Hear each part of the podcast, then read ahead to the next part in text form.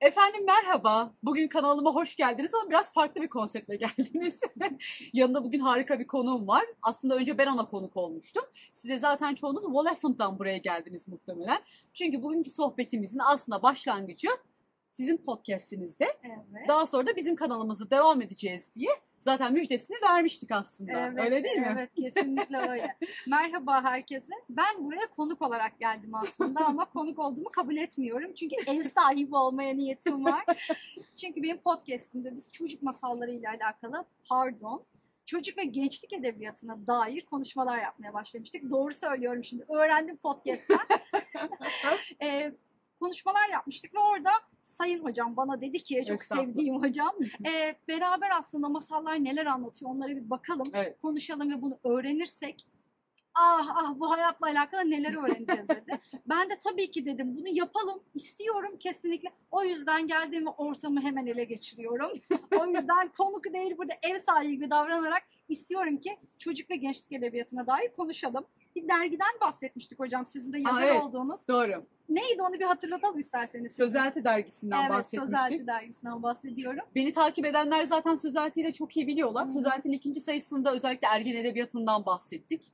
Ergen edebiyatının özellikle neden çocuk ve gençlik edebiyatı diye adlandırılmasında ne kadar önemli olduğu başlığından zaten size konuk olduğumuzda bahsettik. Burada da dedik ki bunun devamını anlatalım o zaman. Evet. Bu çocuk ve gençlik edebiyatında hele de bir de yetişkinler üzerinde bu masalların etkisi nedir ne değildir? Acaba nedir? Aha, anlatsak aslında neler olacak neler? Ben hemen Sayın Hocam araya girmek istiyorum. Neden çocuk ve gençlik, çocuk ve ergen edebiyatı dediğimizde dair podcast'ta şöyle bir konuşma yapmıştık aramızda. Ve benim bir önceki kaydımda da ben bundan bahsetmiştim. Çocuk Hakları Sözleşmesi, çocuk sözleşmesinde Evet. der ki 0-18 yaş arasındaki her birey çocuktur.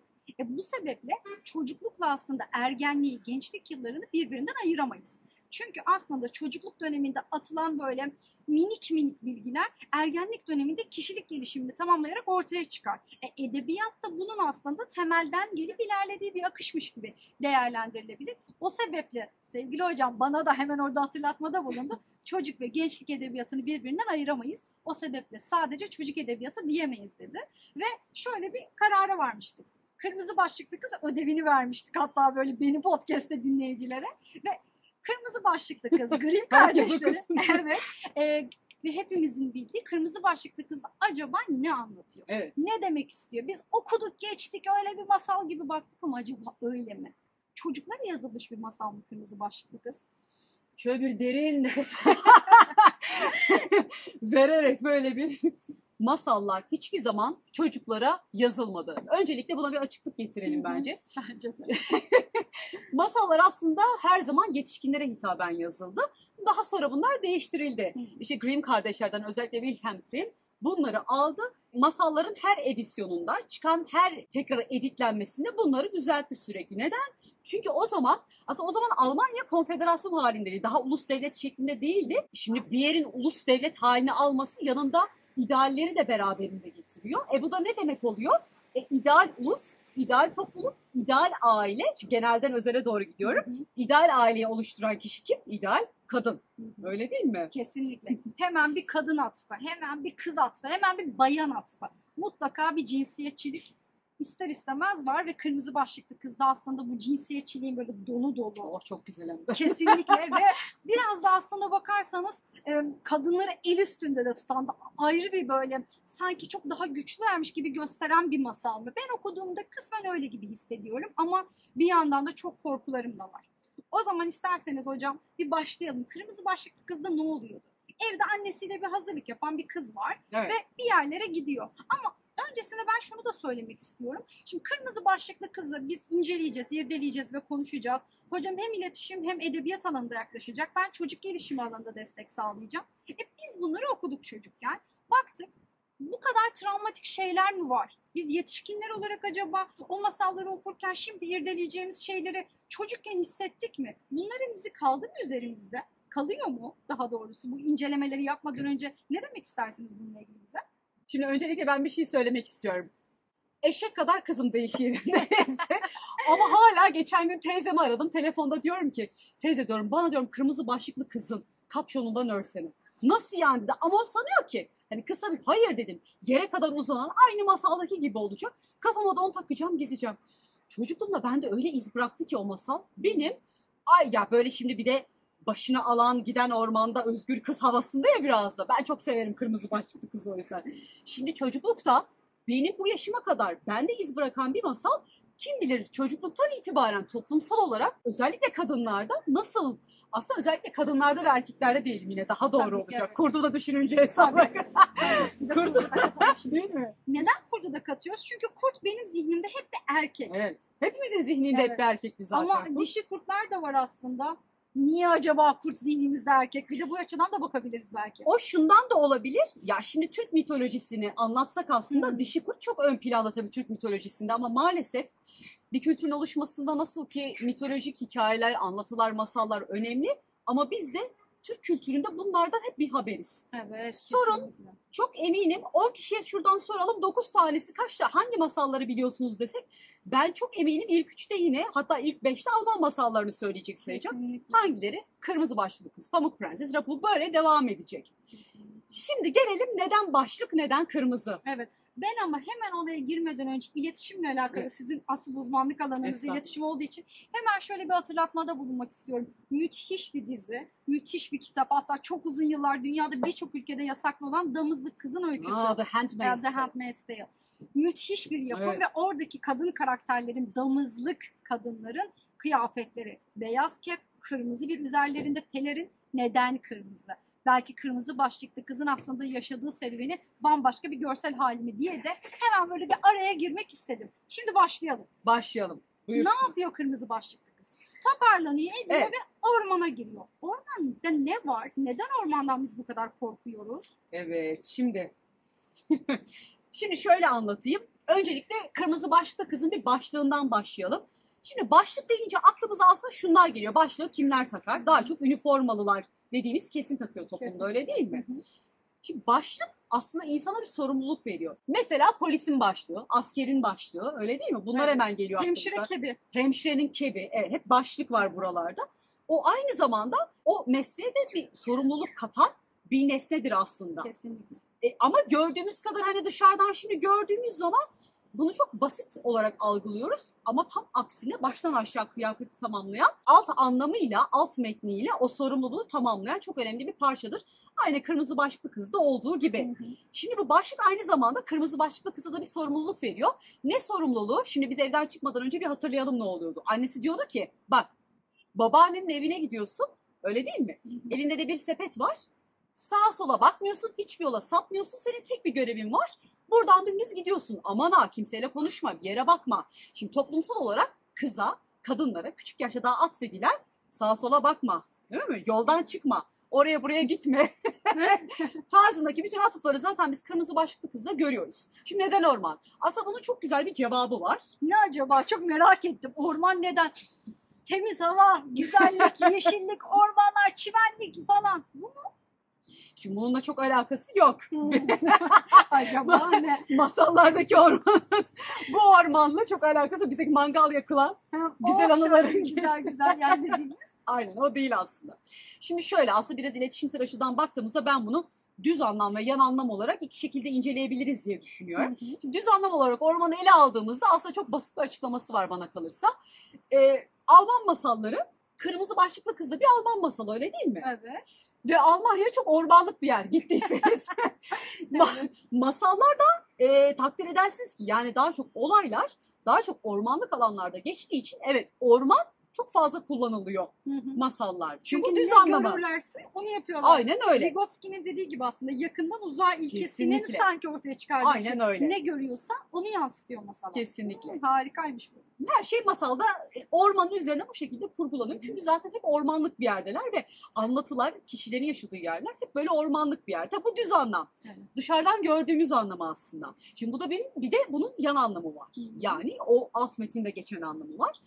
Ee, orman aslında şuna tekabül ediyor. Şimdi masalda kırmızı başlıklı kıza baktığınızda, Rapunzel'e baktığınızda, uyuyan güzele, pamuk prensesi bunlar hep ergenlik çağına gelmiş kızlar. Hı.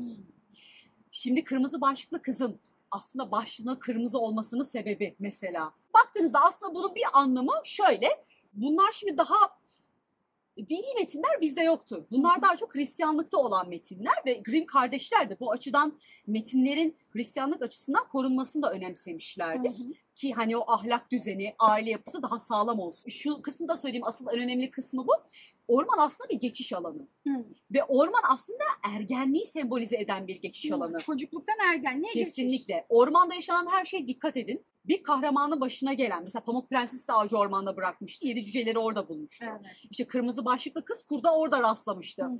Rapunzel ormanda bir kuleye kapatıldı. Hepsi böyle arka arkaya gelecek zaten. Evet. Bütün kesişmelerin ve tüm başa gelenlerin yaşandığı yer ormandır. Çocukluktan ergenliğe bir geçiş alanı olması Aslında yetişkinliğin alt hazırlığı gibi Kesinlikle. değerlendirebiliriz o aslında ormanın çok farklı ve çok önemli bir anlamı vardır masallarda baktığımız zaman.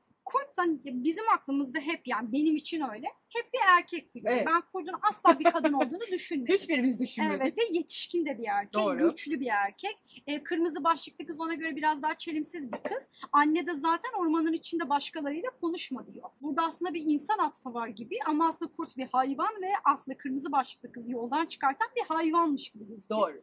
Ama ben hocam şimdi sizle konuşurken e, Google'la hemen şöyle bir kırmızı başlıklı kız yazdım ve Ha, İlk çıkan Story. Evet, grimstories.com diye. Evet, ilk bu sitede çıkan şöyle bir göz gezdirdim hatta konuşurken.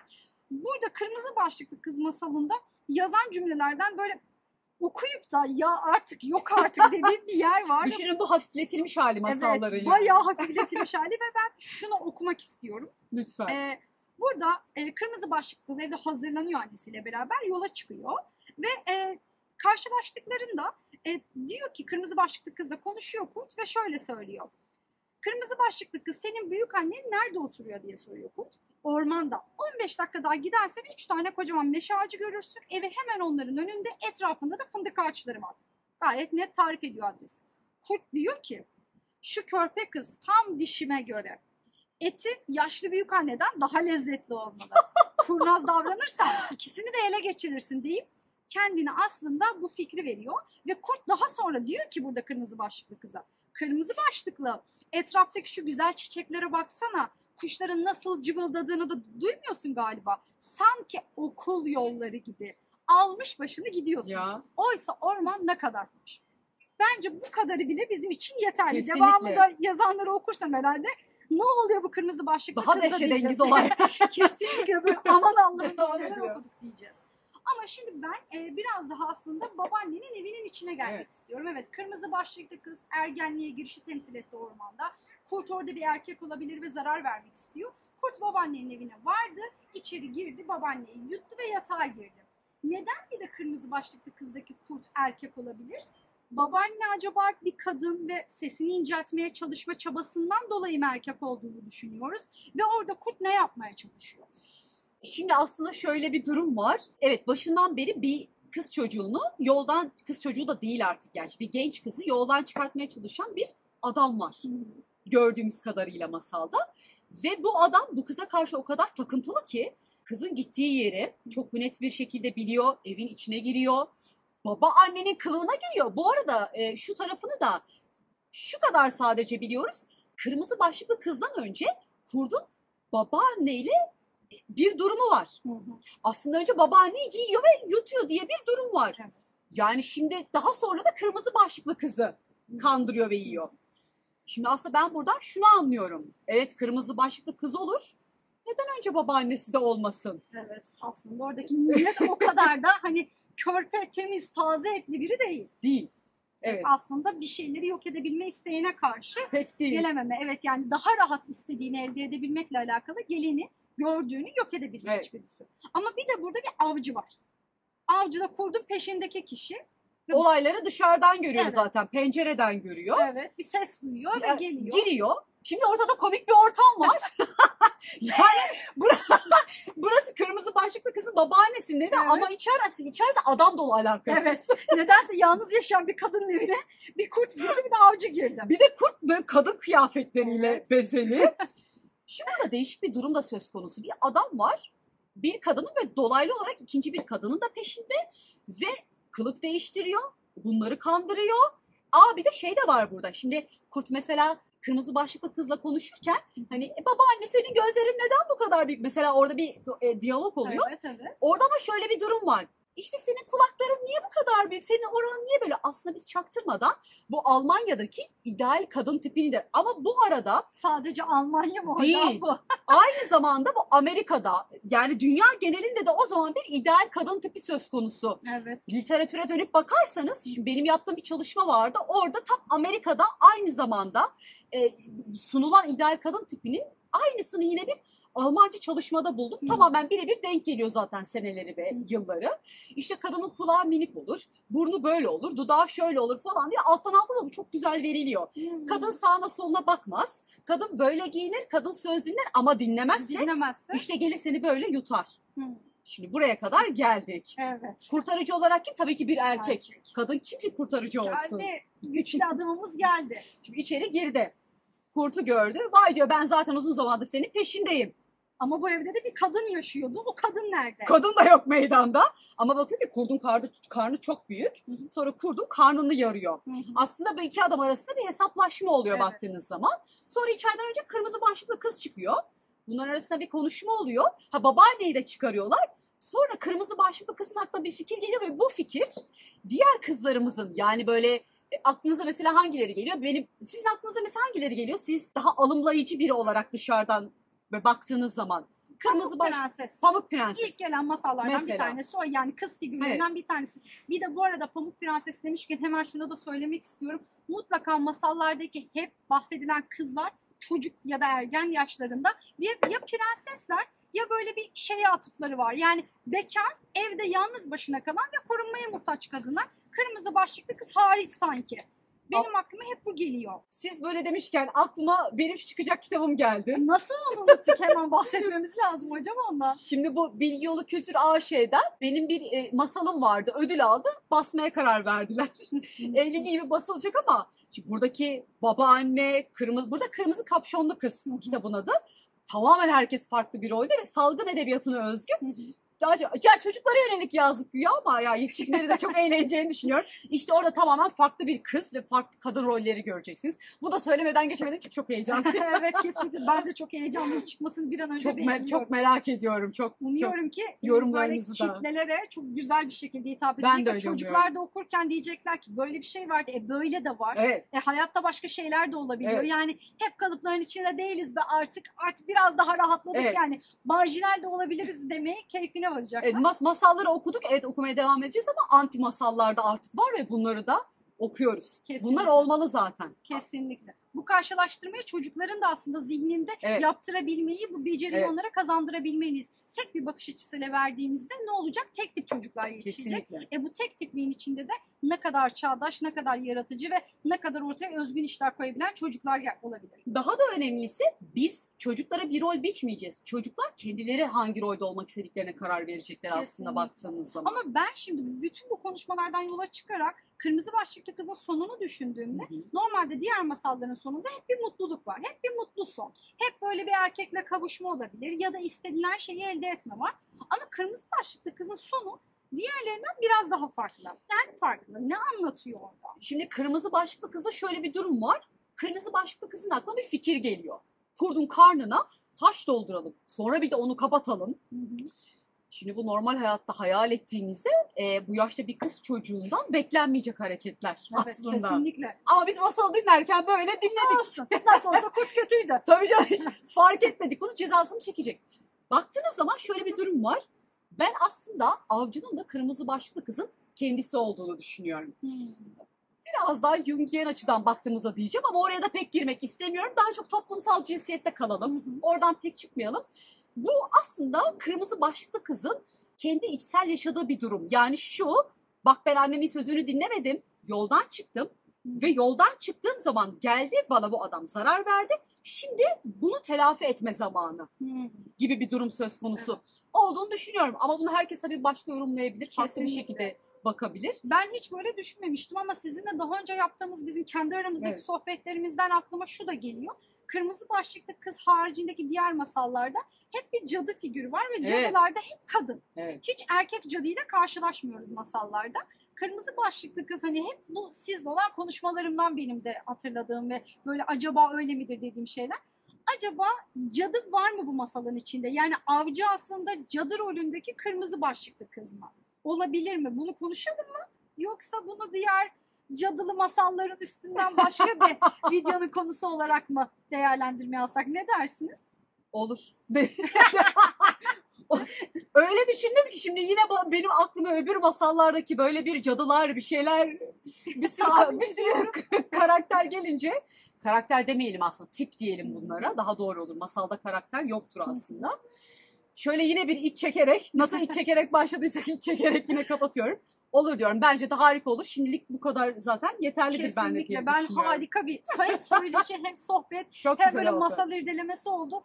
Beni konuk ettiğiniz için ve sonra ev sahibi yaptığınız için çok teşekkür ediyorum. Estağfurullah. Ee, sohbetten çok keyif aldım. Umuyorum bunun devamı da gelecek. Aslında niye umuyorum ki devamı zaten gelecek. Bizi takipte kalmayı unutmayın. Ben çok teşekkür ederim geldiğiniz için ayrıca. Ekstra olarak izleyicilerimiz için de çok teşekkür etmek istiyorum. İyi ki geldiniz ve ev sahipliğini yaptınız. İyi ki Kırmızı Başlıklı Kızı konuştuk ama Kırmızı Başlıklı Kız'la kalmayacak. Öbür masalları da ele alacağız. Bu masalları halletmeden buradan gitmiyoruz, Gitmiyoruz. efendim. Evet. Bizi takip etmeyi unutmayın. Görüşmek üzere. Görüşmek üzere. Hoşçakalın. Hoşçakalın.